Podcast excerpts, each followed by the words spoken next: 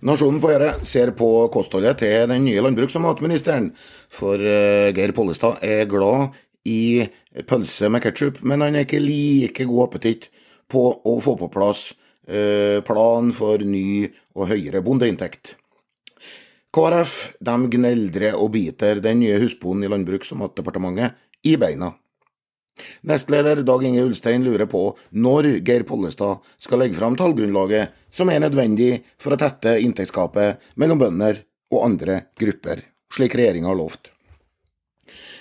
Hvis planen ikke kommer i år, så må staten trolig tilby bøndene et gammelt og beviselig feilaktig tallgrunnlag å forhandle på, også til våren.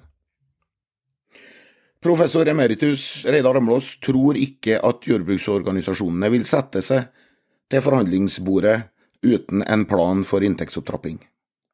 Jeg tror Almås undervurderer Bondelagets systemlojalitet, men jeg er nok enig med ham i at det uansett neppe blir forhandla fram noen avtale til våren. Geir Pollestad sier vi har prioritert opptrapping av inntekt høyere enn plan. Hvis 100 bønder fikk velge mellom opptrapping og ingen plan, eller plan og ingen inntektsopptrapping, så ville 99 av dem foretrukket opptrapping, mener statsråden. Selv om denne motsetninga var reell, noe den ikke er, tar Pollestad feil. Av 100 bønder har nemlig to-tre slutta siden Sp tiltrådte i regjering. Bøndene velger vekk Pollestads alternativ, altså en del milliarder og ingen inntektsplan, til fordel for annet arbeid. Maten må lages av mennesker, og ikke av milliarder. Bondetallet går ned, mange fraråder barna å ta over. Mye penger fra Senterpartiet har ikke vært nok penger. Pollestad forsøker også å ta ned verdien av den kommende inntektsberegninga, og sier vi aldri kommer til citat, en situasjon der teknikk kan erstatte politikk. Citat slutt. Hvis noen tror en bare kan lage den rette modellen, så vil liksom Erna Solberg bli landbruksvennlig. Det vil ikke skje, sier Pollestad. Men målet med den nye inntektsmodellen er ikke å få Høyre til å bli landbruksvennlig.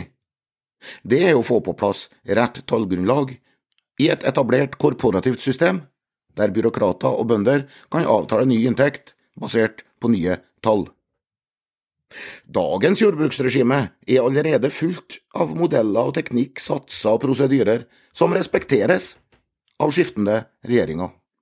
Det er ikke fordi de alltid liker systemet.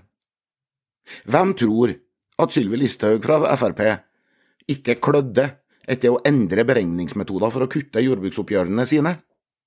Men til og med Listhaug forhandla med bøndene på det som hun mener er et Stalin-regime. Fordi ingen statsråd kan overse budsjettnemnda for jordbruket, hovedavtalen eller forhandlingsinstituttet. Det er den politiske viljen som må ligge i bunn skal bøndene oppleve inntektsvekst, mener Pollestad. Det er delvis riktig. Så lenge ingen vet hva bønder tjener i snitt, kan mange politikere slippe unna med å insinuere at bønder egentlig tjener ganske greit. Da er jo ikke viljen til å bruke milliarder på bøndene stor. Hvis Geir Pollestad gjør jobben han er satt til, så vil den neste Høyre-statsråden som skal forhandle med bøndene, måtte ta utgangspunkt i et beregna inntektsbehov som er mye større enn i dag. Lettvintheten om at bønder egentlig tjener ganske greit, vil ikke lenger være gangbar retorikk. Politikerne som synes bønders inntekt godt kan ligge på 200 000 kroner per årsverk, må tørre å stå for det, krone for krone. Jeg tror Geir Pollestad forstår den makta som ligger i systemet. Han og partiet hans er i hvert fall veldig opptatt av å forsvare det. Jordbruksforhandlingene lar staten og bøndene fremforhandle praktisk politikk uten innblanding av budsjetthestehandlere.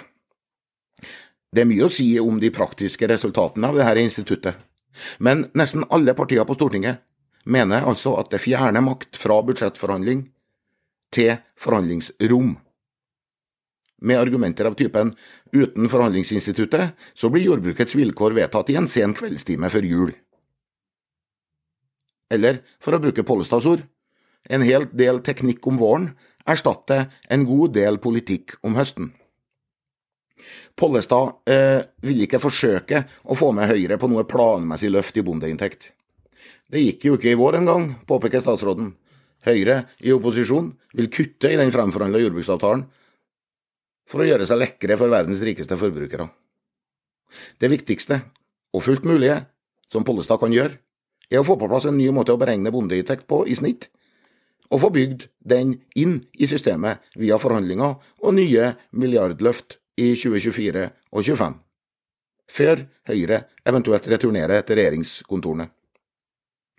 Det vil selvsagt være mulig for et nytt blått flertall å endre tallgrunnlaget tilbake igjen, slik at behovet for inntektsløft synker på papiret.